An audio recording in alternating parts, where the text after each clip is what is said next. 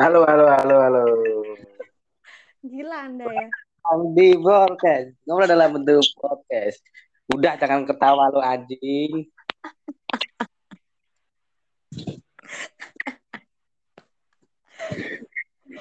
Orang gila, orang gila.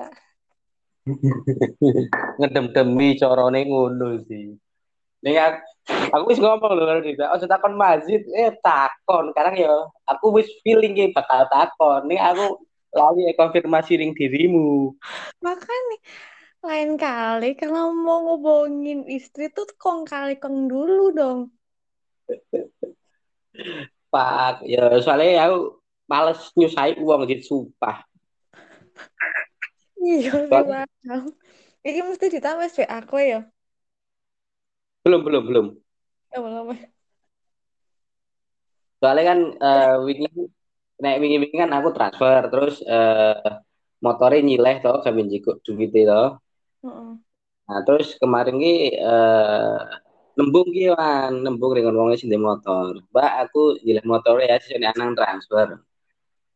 Mereka itu jawab, "Ih, kowe iki ngribeti wae." Nah, ngono. Tadi kan aku wah ya wis lah ngono.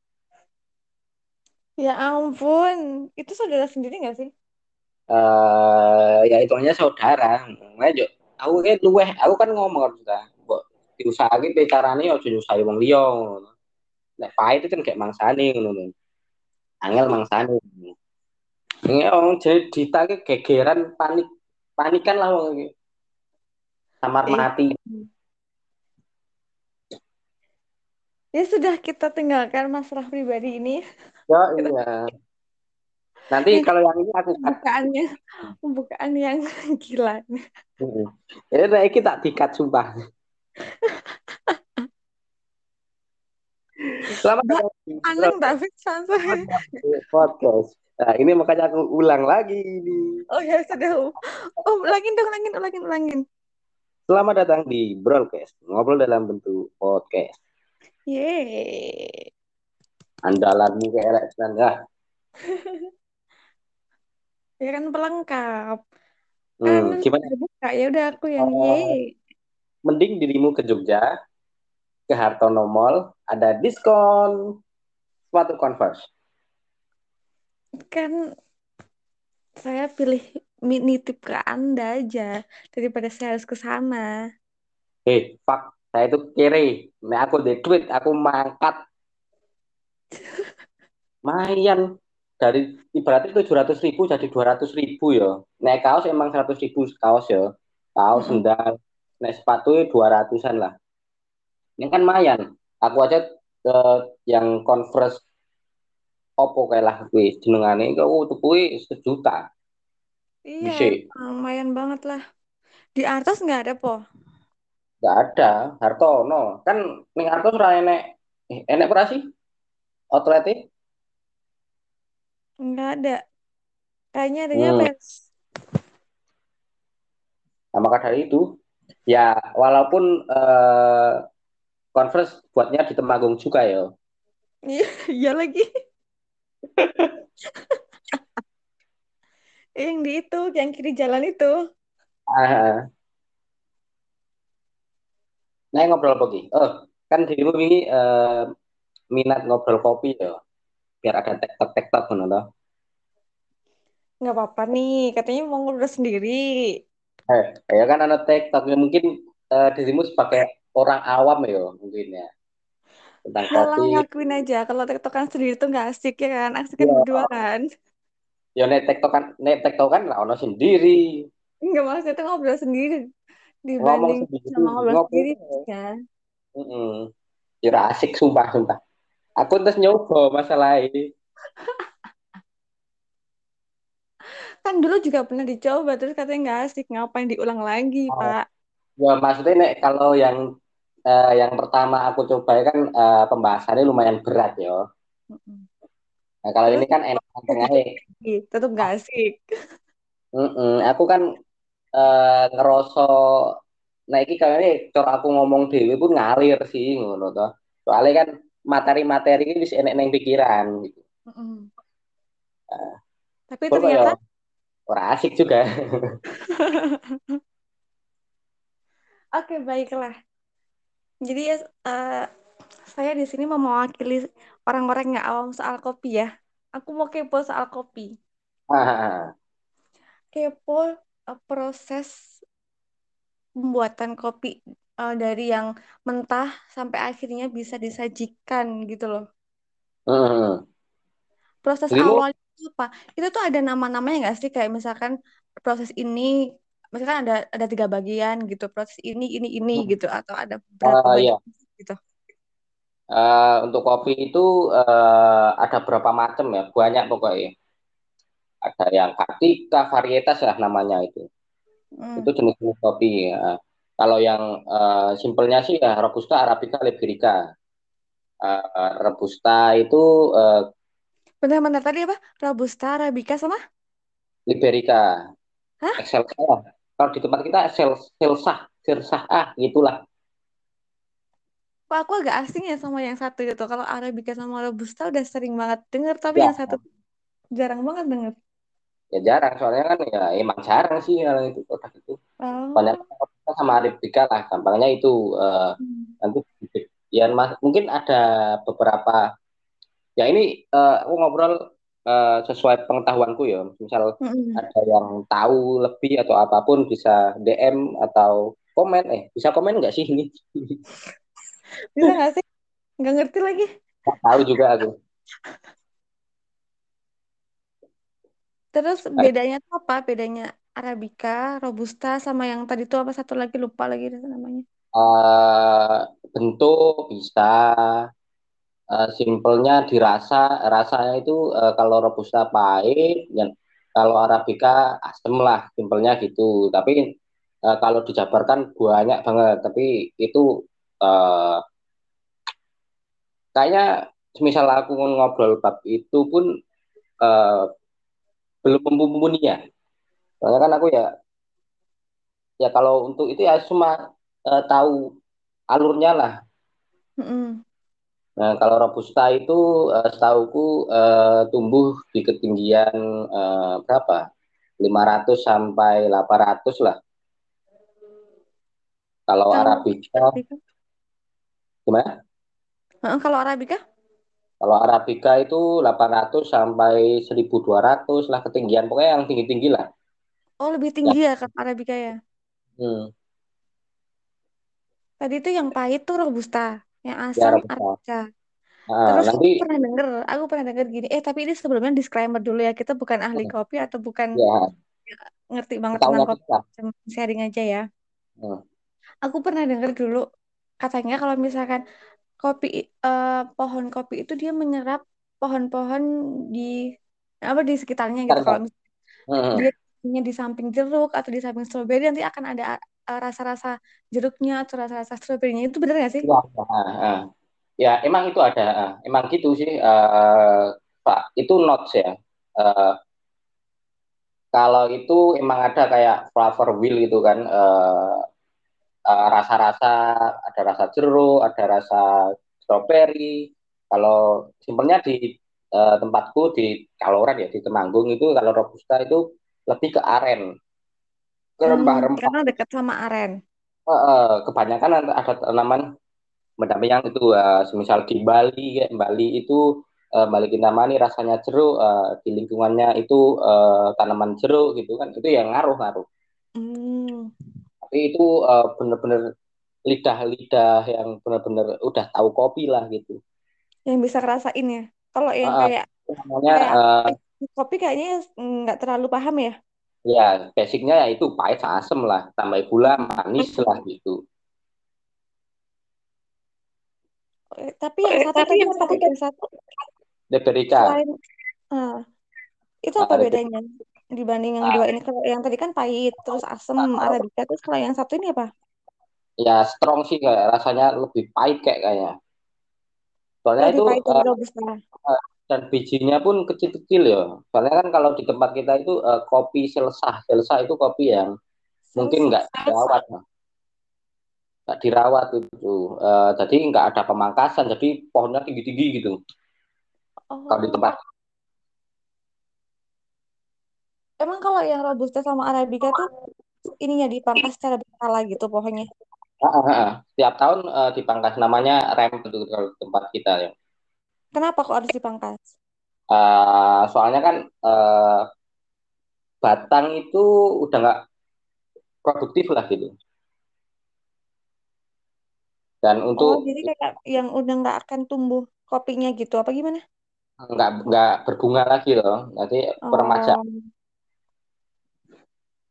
permajaan dan itu bertujuan misal ada sinyal matahari gitu biar masuk kan nggak nggak nutupin gitu. Terus hmm, dan itu misalkan eh, nggak tinggi gitu kan lebih enak eh, pas panen gitu kan lo memudahkan ya. mempermudah nanti kan nasi bisa diatur kan eh, nanti buahnya itu ke mana loh gitu bisa diatur itu Itu gunanya dilakukan setahun sekali. setelah panen biasanya Oh, setelah panen. Kalau panennya, panennya kopi itu setahun berapa kali? Kalau robusta itu satu tahun satu kali ya satu dua kali lah mungkin bisa kalau, kalau tempat kita ya satu kali lah di bulan-bulan eh, Juni akhir sampai Oktober awal ya, kalau nggak September lah. Tergantung Hmm. tempatnya. Kalau di eh, tempat kita ya daerah yang Surat, Kaloran itu lebih awal, nanti daerah Kendal itu eh, akhir lah, bulan-bulan September, Oh, Oktober. jadi masa panen tuh per daerah beda-beda ya? Mm-mm. Yang mempengaruhi apa itu faktor yang mempengaruhi? Eh, musim mungkin ya, Musim. kayak ya Lampung, Bengkulu, Sumatera lah. Sebenarnya Sumatera itu lebih awal gitu. Hmm. Ya kayak duren lah, duren itu eh, kan musiman toh. Mm-mm. tapi urutannya ngalir gitu loh. Oke, terus kalau yang Arabica, panennya Arab, setahun sama juga nggak? Dua kali, satu kali gitu. ah, ah, Arabica tahun satu kali dua kali, tapi bisa juga tiap bulan panen. Oh, jadi lebih lebih cepat Arabica ya? Hmm, enggak ya enggak cepat juga, soalnya kan Nah, tadi kalau katanya Robusta satu sampai dua tahun, satu sampai dua kali setahun. ah, ta- itu kan eh, dari proses matangnya buah ya. Kalau robusta itu eh, matangnya buah itu kan eh, sa- ya ada yang merah, ada yang kuning ya. Eh, Arabica pun juga gitu. Eh, ada yang buahnya itu matang ketika merah atau ada yang kuning juga. Eh, itu tergantung jenis jenisnya juga. Eh, kalau robusta itu biasanya ya eh, buah itu mateng kan satu gerombol itu keseluruhan loh. Mm-mm. Itu bisa barengan gitu matangnya. Ah, bisa barengan, bisa merah semua, jadi petiknya lebih lebih mudah toh. Nah, tapi Mm-mm. kalau Arabica itu eh, itu satu gerombol pun mungkin satu dua biji doang yang anu satu dua buah yang mateng Oh, gitu. gitu. Nah, jadi Terus, kan nunggu matengnya. terus kalau kayak gitu manennya jadinya per, per biji. Ah, ah, nanti petik-petikin. Nah, ya Oh. kadang ada yang satu gerombol gitu. Tapi kan eh, untuk kopi yang berkualitas kan yang bijinya mateng ya. Mm-mm. Nah, itu. Terus eh, ini apa ya? Proses pa- pasca panen gitu. Benar. Terus habis itu aku nanya nih, kan eh, kalau Robusta itu lebih pahit, terus si Arabica lebih asam. Nah, itu kandungannya itu kan kalau aku tuh pernah denger gini, kok aku aku pernah ceritakan sama orang, kok aku tuh habis minum kopi ini ya perutnya kayak mules-mules atau apa itu. Oh, kamu nih Hmm, minum kopinya si Robusta lah. hmm. Apakah itu kandungan Robusta tuh dia lebih strong daripada si Arabica atau Ya, ya, sih? ya. Kalau robusta itu wah, ya strong sih. Eh, biasanya dipakai un- apa ya?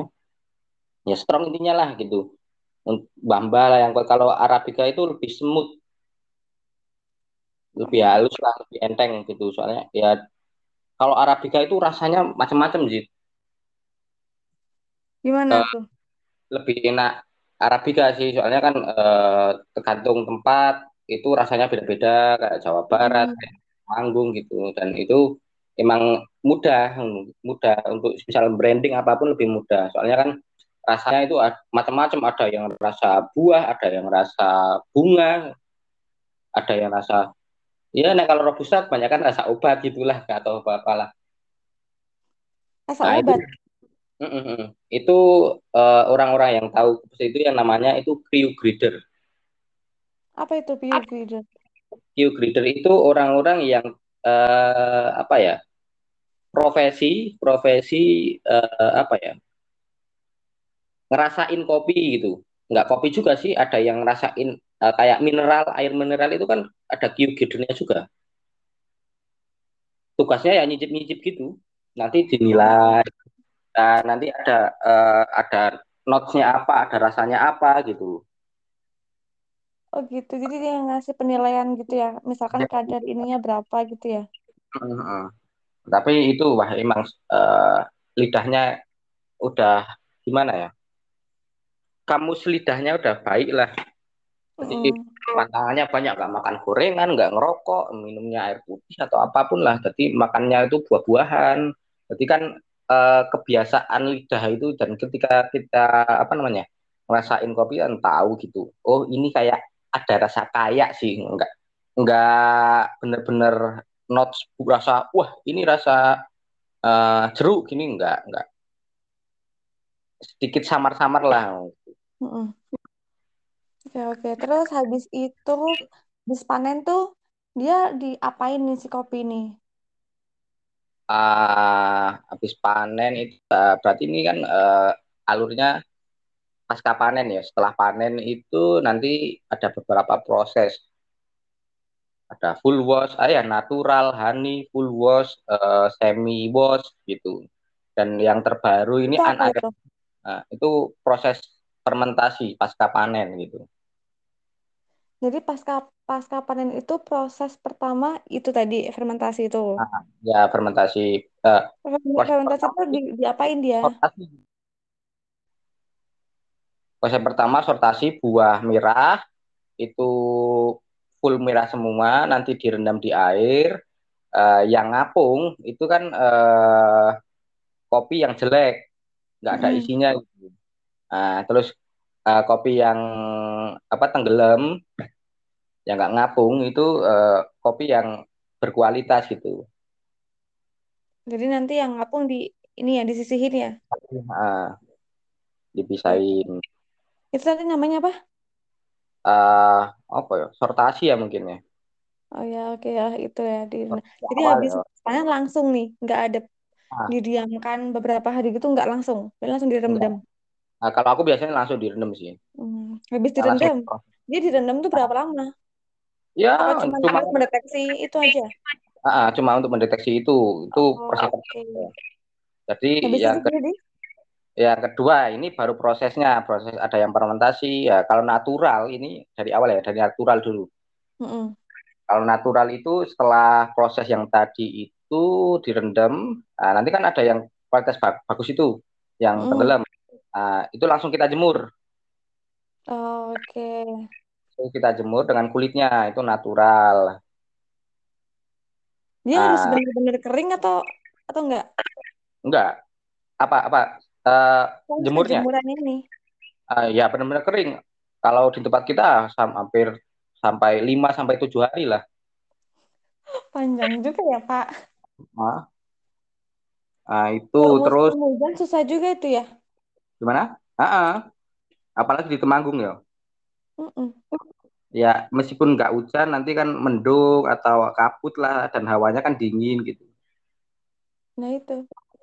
Terus Terus habis dikeringin, ah, keringin ya udah masukin karung, simpen nanti kita ada pesanan, nanti kita proses, eh, nanti kita huling. Huling itu proses eh, dari eh, proses pemisahan kulit luar sama bijinya.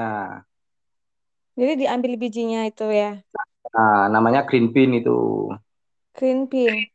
Ya, Oke, green kalau bean. natural ya. Eh, kalau yang eh, full wash Mm. itu prosesnya ada proses fermentasi. Itu ada yang eh, 12 jam itu direndam di air ya. Mm-mm.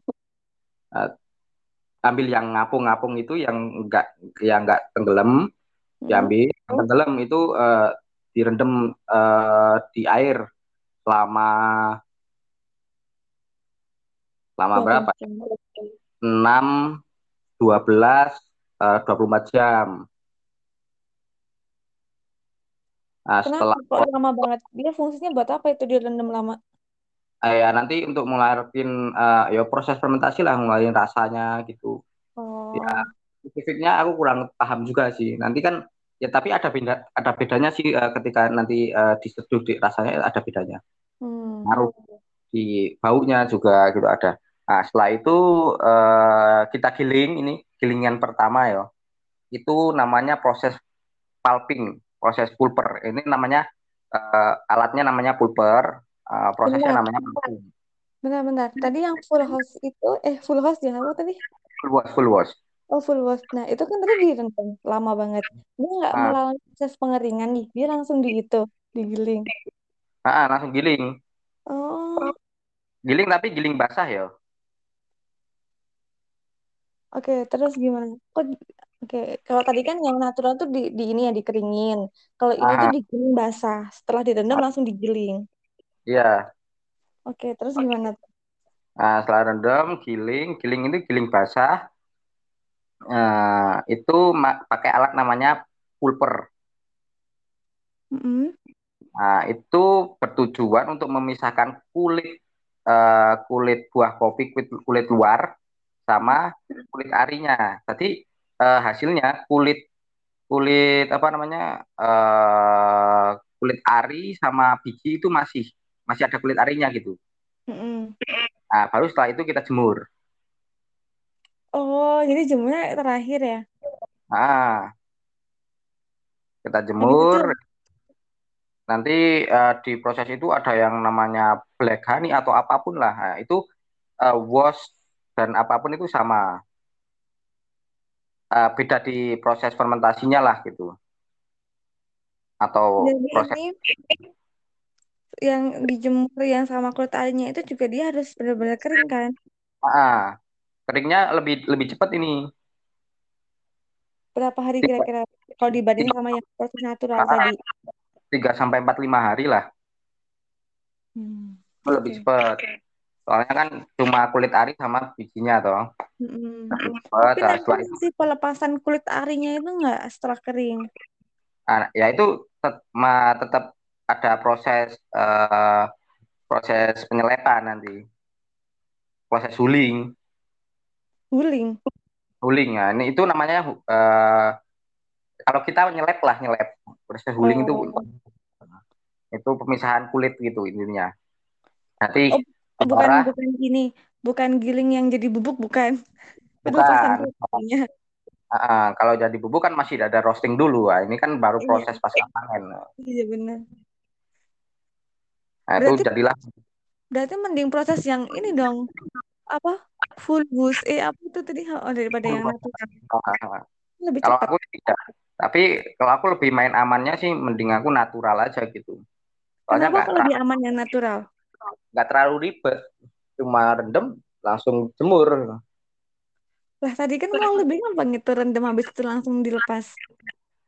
gimana Kan tadi malah lebih lebih ini, lebih nggak ribet orang direndam habis direndam kan langsung digiling dilepas kulitnya tuh. Ah, tapi kulit luar Bedanya apa sih? Kan sama aja nanti. eh ya beda, ininya beda itu. Nanti Lebih proses ya.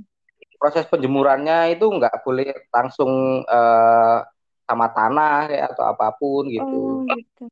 Eh, ya proses natural pun juga gitu. Nanti kan eh, ada yang teman-teman itu buat greenhouse, nanti itu ngatur suhu.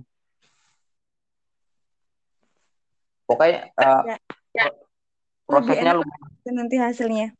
Ah, ah. Eh, lebih enak mana hasilnya? Kalau aku natural sih, tadi kita tahu benar-benar itu rasa kopi gitu. Kopi Oh, daerah ini rasanya seperti ini gitu. hmm, Kalau aku kalau yang full boost nggak terlalu ini mengurangi rasa, gimana? mengurangi rasa. Kalau yang boost, bisa memperkuat, bisa mengurangi rasa tergantung nanti prosesnya. Nanti over over fermentasi kayak atau apa pun kayak nah, nanti ada proses lagi nih namanya wine. up proses apa itu? uh, proses pasca panen juga. Nanti uh, prosesnya itu uh, setelah direndam, masukin plastik itu nggak boleh uh, ada apa namanya, ada angin yang masuk gitu. Itu didiemin beberapa bu ah, bulan minggu lah, minggu sampai bulanan itu. Lebih lama. Lebih lama proses itu makanya uh, untuk harga kopi wine itu lumayan mahal gitu. Emang hmm. prosesnya Uh, kalau yang baru-baru ini anaerobik itu uh, aku kurang paham sih, aku belum mendalami juga. Itu pokoknya pakai tong gitu, nanti kasih aliran apa namanya, aliran udara yang keluar gitu, terus berapa harinya nggak tahu, kurang kurang tahu. Aku kurang, kalau aku nggak nggak nggak belum belum ya mungkin belum memakai metode itu. Dan aerobik itu yang baru-baru ini baru satu dua tahun ya. Oh, Oke, okay. berarti ada empat ya tadi ya caranya. Uh, full wash ada empat guys natural full wash habis itu tadi apa semi wash. Sama. Tadi natural full wash semi wash uh, honey one and aerobik enam lah nen. Oh enam berarti benar nah, belum dijelasin ya kayak masih ada proses-proses yang lain sih. Mm -mm. terus habis ini habis proses yang apa pelepasan ini terus pengeringan habis itu apa? Nah, setelah itu uh, ada proses uh, sortasi. Sortasi adalah pemilihan pemilihan biji kopi yang seragam ukurannya dan uh, ada pemilihan uh, kopi yang bagus atau enggak itu dilihat dari yang bolong-bolong. Yang bolong-bolong itu uh, untuk mengetahui uh, namanya apa ya? tusuk jarum ya bolong-bolongnya kecil setuju jarum itulah di di bijinya di bijinya itu uh, ad, ada hewan lah ya kayak hewan apa ya? Ya uh, kutu kutu kutu kopi lah gampangnya gitu. Oh ada ya kutu kopi tuh? Ada ada. Baru kutu kopi. hmm, ya kayak beras lah persis. Tapi lebih kecil kayaknya. Kutu kopi itu uh, berarti kopinya jelek gitu. Nanti yang item-item atau apa pun ya biasanya kalau yang item-item itu uh, kopi yang belum mateng lah atau apa pun lah gitu. Itu nah, benar benar dari per biji dipilihin. Ah, per biji pilihin nanti. Ya ampun. Berarti tukang kopi itu telaten banget ya? Ah, ah, ah. nah sampai pegel uh, leher. Itu proses sortasi yang berapa kedua ini ya? Tadi kan udah sortasi dulu uh, kedua, nanti ada proses sortasi lagi ini. Terus selanjutnya pemilihan biji nah, itu setelah sortasi pemilihan biji nanti kita roasting nih penggorengan. Penggorengannya ada alatnya gitu kan?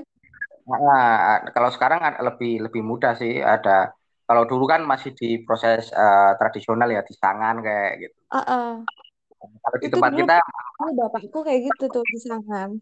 Nah, di Sangan kalau enggak nanti ditambahin uh, kelapa atau apa pun lah beras gitu. Oh, itu yang campuran ya. Uh, kalau mbah-mbah biasanya yang uh, di saya kebanyakan gitu. Uh.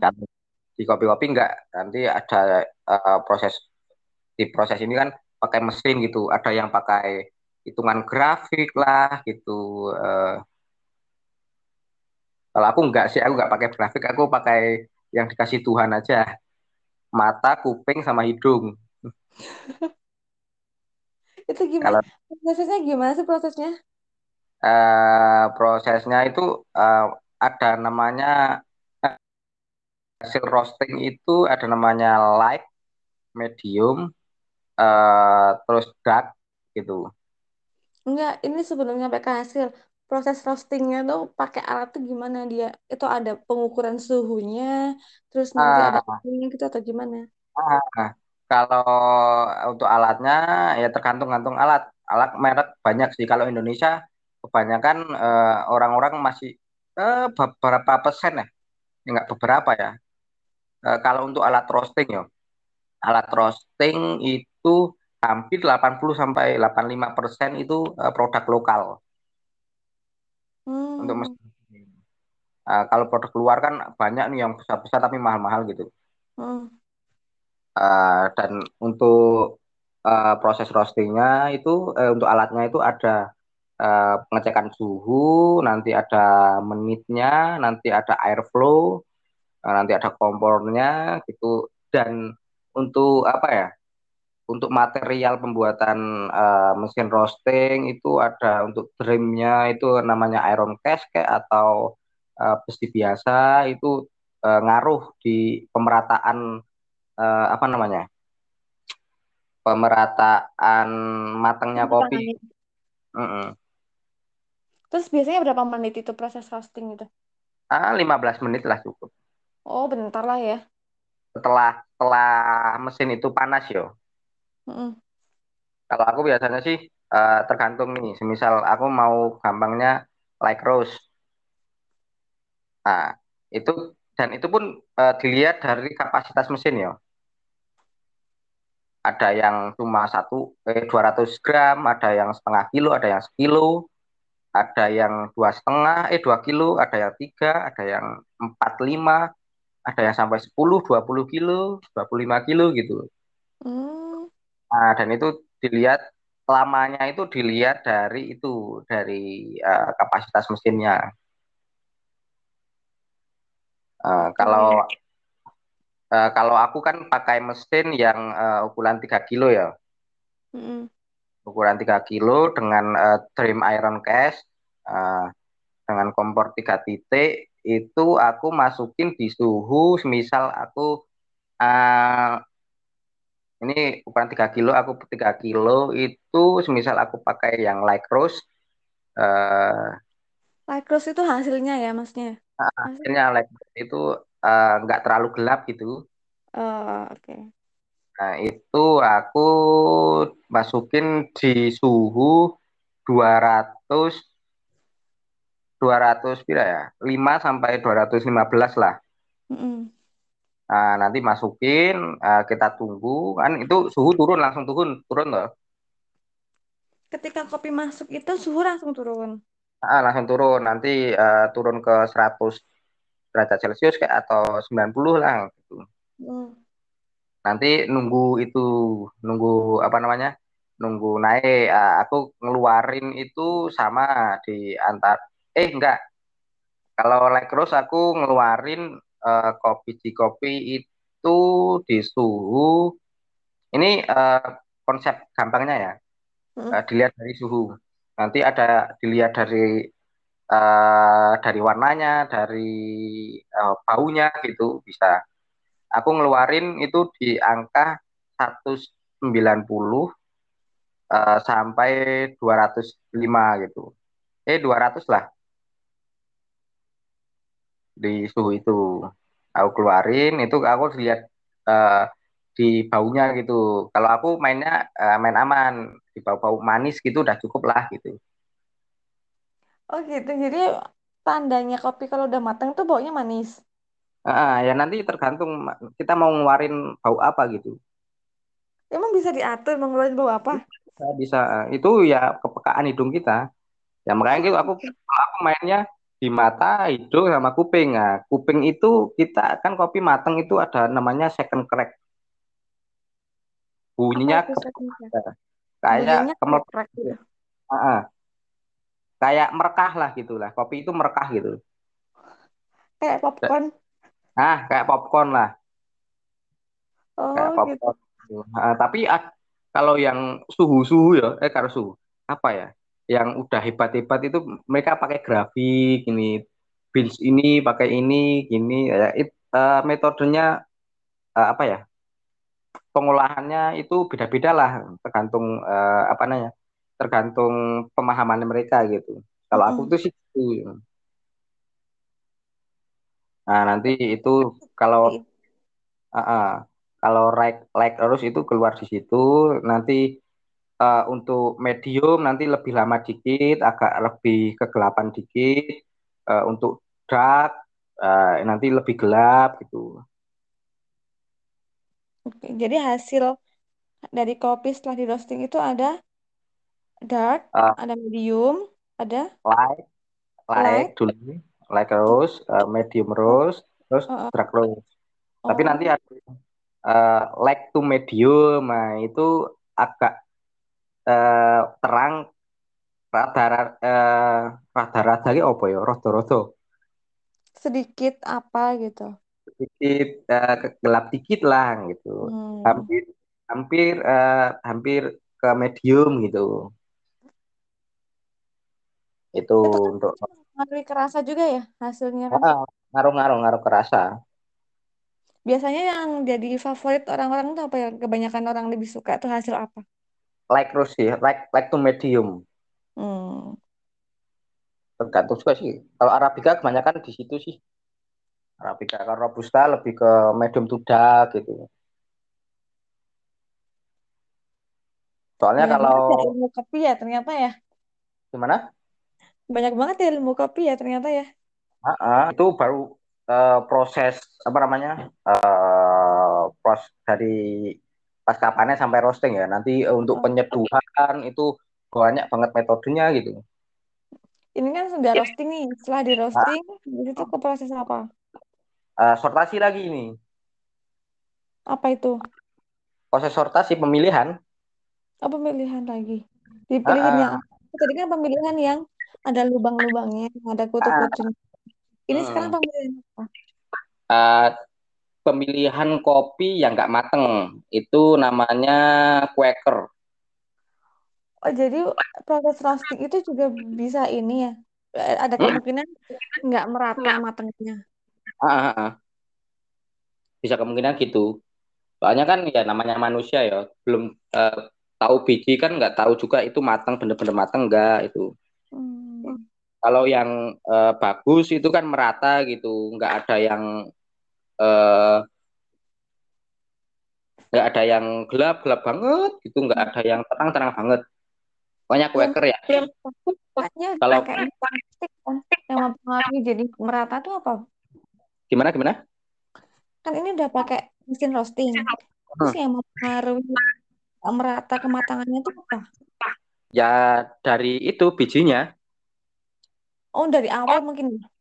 Heeh, dari awal mungkin ada yang eh, biji yang muda itu masuk gitu. Oh, gitu. Hmm. Kenapa itu nggak dipilihin dari Mbak barengan sama pas pilihin si lubang-lubang itu? Itu kan kelihatan juga, kelihatan nggak sih kalau yang matang sama yang masih muda atau Kalau itu lumayan susah sih untuk tahu kita Quaker itu ketika masih green bean ya. Oh, jadi itu akan lebih kelihatan ketika sudah roasting. Hmm. Oh, ya ampun. Untuk sih. Setelah di ini, setelah disortir lagi tuh yang matang sama yang belum matang, terus Terus eh, baru pengemasan nanti masuk ke customer lah. oh bisa dijual bijian kok ya, bisa dijual bijian, bisa langsung di ini ya. Tubruk, eh, ada yang tubruk, ada yang bubuk. Mm-mm. Kalau yang proses biar jadi bubuk tuh apa namanya?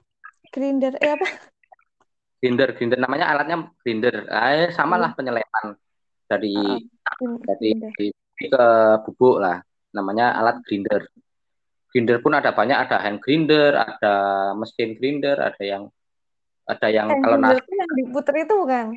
eh, ada yang tradisional ditumbuk lah. Eh. Dan kalau untuk merek, wah banyak banget. Tapi yang eh, menurutku mahal itu Malhoning itu sampai 90 jutaan lah. Mantep banget harganya. Itu gede. Hmm, Itu satu mesin itu. Mesin roasting pun ada yang sampai 1 M gitu ada sih. Kalau yang bagus banget ya. Kalau Jogja pun ada yang pakai itu. Nah, itu baru mesin itu gitu, mesin roasting, eh, grinder, nanti mesin espressonya pun gitu. Wah, keren, keren. Biasa Mahal-mahal. kayak kan kan sekarang udah banyak ya kayak aku tuh sering baca tuh di pinggir-pinggir jalan kayak jasa roasting kopi gitu. Ah, ah, ah. Kalau yang kayak gitu kan mungkin eh, pakai produk lokal ya. Kayak aku produk lokal itu buatan temanku sendiri ya. Maksudnya kopinya atau apanya? Oh, ini mesinnya. Mesin roastingnya. Hmm. Soalnya jauh harganya. Kalau misalkan pakai jasa roasting kayak gitu tuh dia matok harga berapa? Penasaran. Eh, di antara 20 sampai 50 ribu lah. per kilo. Ada yang per kilo, ada yang per batch. Per batch itu dari kapasitas mesin. Oh. Jadi uh, ada yang kapasitas, kapasitas 5 kilo, satu mesinnya mesinnya kapasitas 5 kilo ya. Berarti per 5 kilonya 20 ribu gitu? Enggak, itu ya biasanya ada diskon. Tapi oh. per kilo gampangnya ada yang dari 10 ribu, eh, uh, 10 ribu sampai 35 ribu, 40 ribu lah. Tergantung tempat sih. Lumayan juga ya? Gitu ya? Nah, kalau aku di Kemeloko itu 15 ribu. Kalau yang di Jogja aku 25 ribu. Kan? Ya, roasting sendiri aku. Kalau di Jogja aku 25.000 sam itu per kilo ya, 25.000. Tapi kalau per batch uh, aku matok di 60.000. Hmm. Kapasitasku 3 kilo. Nah, kalau yang di Meloko aku kapasitas 6 kilo itu per batch aku matok di 50.000. Lumayan banget itu. Tentu saja lebih mahal ya pasnya di dalam itu ininya mahal gear-gearnya mahal gitu. Jadi uh, alat-alatnya mahal. Uh, mesinku yang itu kan prototipe awal uh, pengrajin mesin roasting ini awal-awal buat itu mesin di tempatku di yang Kemeloko ya. Uh -uh. Itu aku beli dulu uh, 7 juta kapasitas masih 4 kilo 5 kilo terus kemarin dimodif lagi itu ditambahin termometer kan rusak itu eh, habis 2 jutaan itu.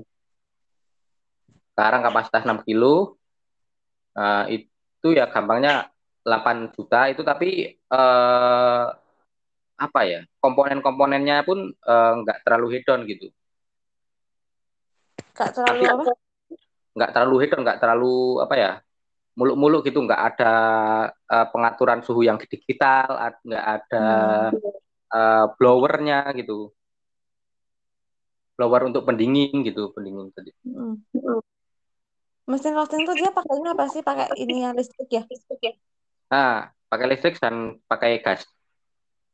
Oh. Ya ampun boros juga ya? Udah nah, mahal lagi uh -uh.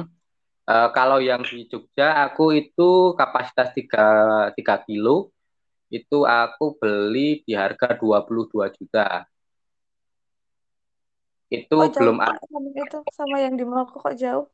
Uh, uh, soalnya kan itu uh, ada digitalnya terus uh, untuk oh. drum untuk drumnya itu pakai iron case, ada airflow-nya juga.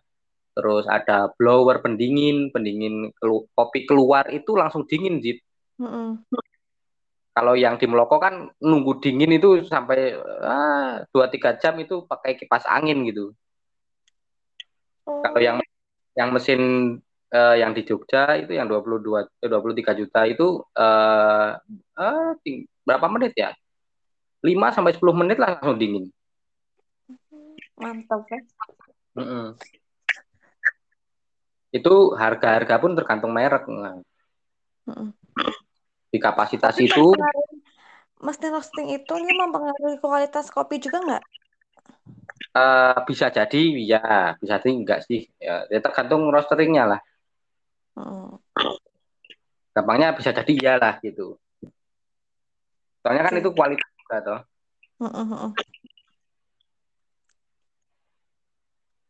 terus habis apa namanya kalau misalkan di di apa tadi itu apa namanya proses apa? ini dari digiling itu prosesnya apa namanya digiling ya uh, penggilingan lah intinya penggilingan lah itu terus, uh. terus untuk serving kopinya itu kan ada beberapa uh. juga kan apa uh. aja aja uh, kalau yang mesin itu namanya espresso americano gitu terus untuk yang manual itu ada V60 itu alatnya macam-macam. Ada yang kalita kalita wave ada yang fisik ya basicnya fisik lah. Terus ada yang Vietnam drip ada yang aeropress ada yang fan press. Banyak sih. Ada yang tubruk yang simpelnya tubruk sih. Coba pak. Jelasin aja beberapa yang familiar kayak misalkan espresso americano Uh, espresso itu uh, itu apa? Gimana? Bedanya apa Uh, itu proses penyeduhan ya. Uh, kalau yang espresso itu proses ekstraksi kopi ya, benar-benar uh, ekstraksi kopi itu uh, pengepresan kopi ya dari bubuk ke uh, ke menjadi apa ya minuman ya. Itu pakai suhu berapa? Kalau yang manual itu alatnya namanya eh, apa? Rock presso, ada yang lokal juga namanya yang aku pakai itu pakai lokal buatan Malang. Namanya Manungso ada banyak lah banyak. Kalau manual itu kayak ini yang ada apa kayak yang putih itu bukan sih? Gimana? Manual. Mm -hmm. yang pakai saringan putih itu bukan? Saringan tepung. Saringan putih? Uh, enggak. Kalau yang saringan putih itu uh, namanya V60 itu P60 oh. itu pakai kertas itu fungsinya apa sih sebenarnya si saringan itu kayak memisahkan uh, apa ampasnya gitu. Oh, biar Dan itu metodenya ada banyak sih. Uh, kalau aku jelasin ya panjang juga gitu. Iya, besok kita sesi sendiri lah yang itu. Pokoknya proses ini tuh prosesnya dari awal sampai akhir kayak gitu ya guys tadi. Hmm. Itu simpelnya gitu. Oke, sip. Si aku nanya espresso tuh yang ini gak sih yang pahit banget itu gak sih hasilnya nah, yang pahit banget soalnya kan itu ekstraksi kopi itu pakai air 30 mili ya paling 30 mili ekstraksi air itu benar-benar ekstraksi kopi hmm. kenapa kalau nah. nyajiin kenapa kalau nyajiin uh, espresso pasti ada biskuit satu. Ya itu biar nggak nggak pahit sih. Itu proses ya cara serving kita sih nanti ada dikasih apa itu uh, sama biskuit biar nggak pahit. uh, biskuit sama air putih ya. Oh, oh. Lah, tapi kenapa cuma satu sih biskuitnya? Kenapa nggak lima?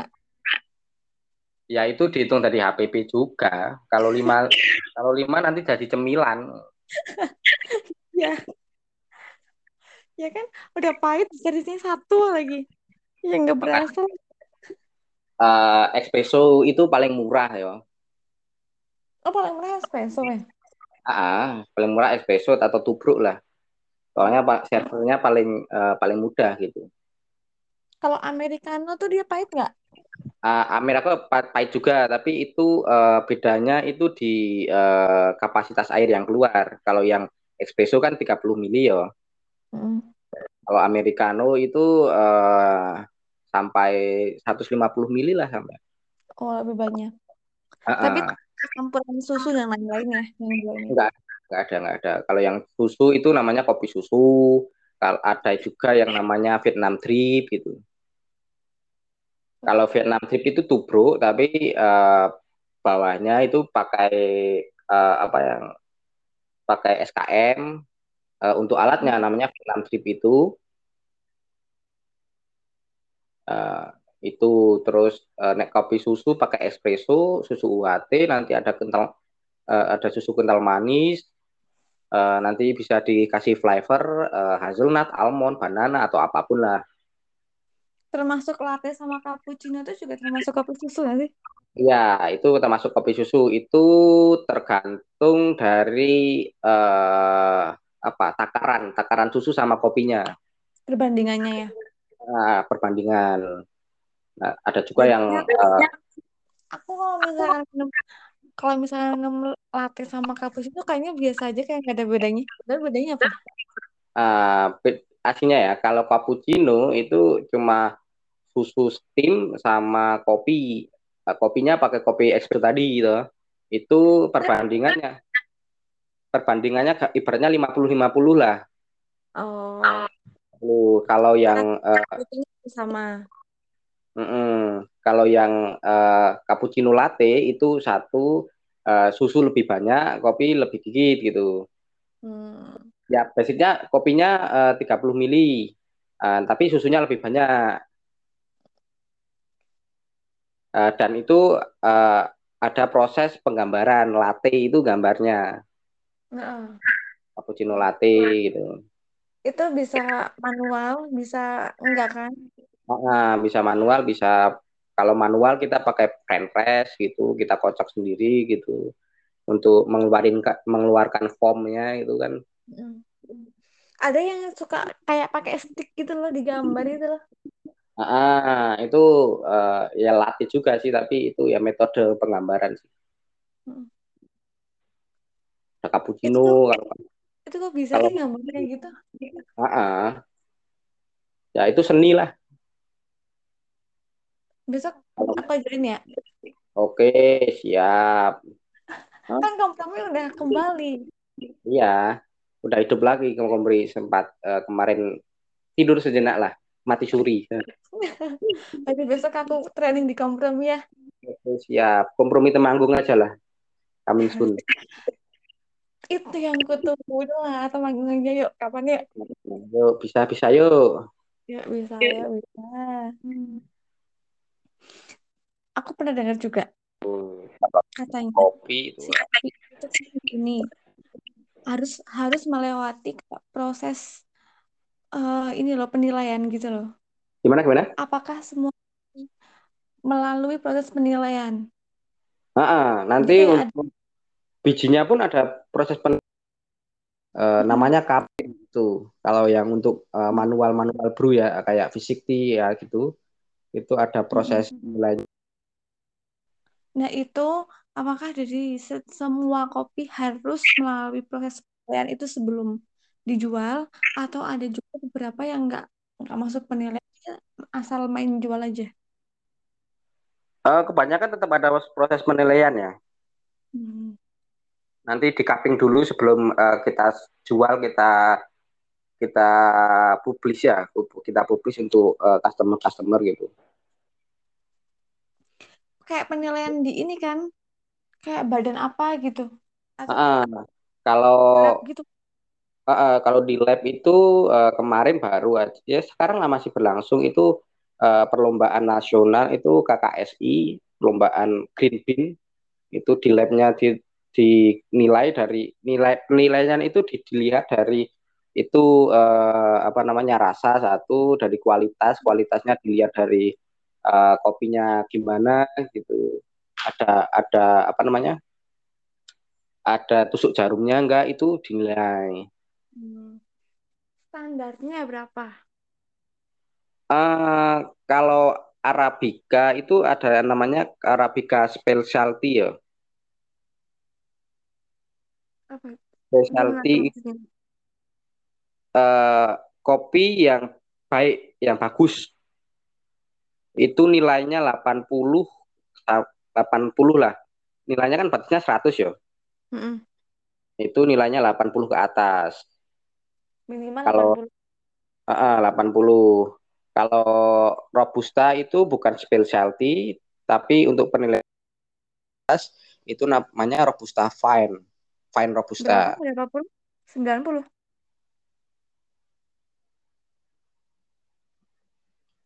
Berapa yang robusta? Halo, halo. Oh, jelas. Berapa yang robusta tadi nggak jelas?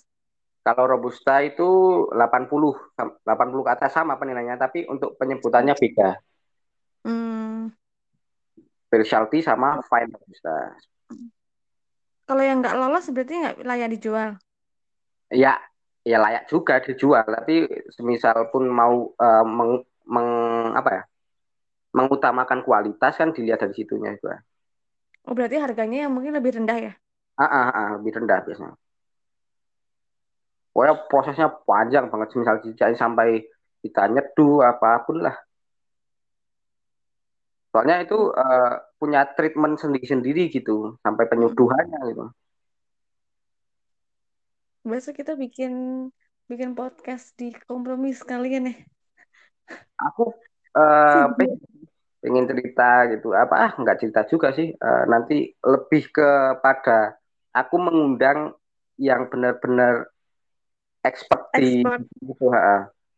misal espresso kayak ada kan uh, mereka hmm. expert espresso doang atau yang di roastery doang atau uh, uh, bagian cupping, Q grader ataupun roastery gitu Uh, ini kan kita sekarang lagi generalnya aja ya karena memang belum terlalu mumpuni untuk itu.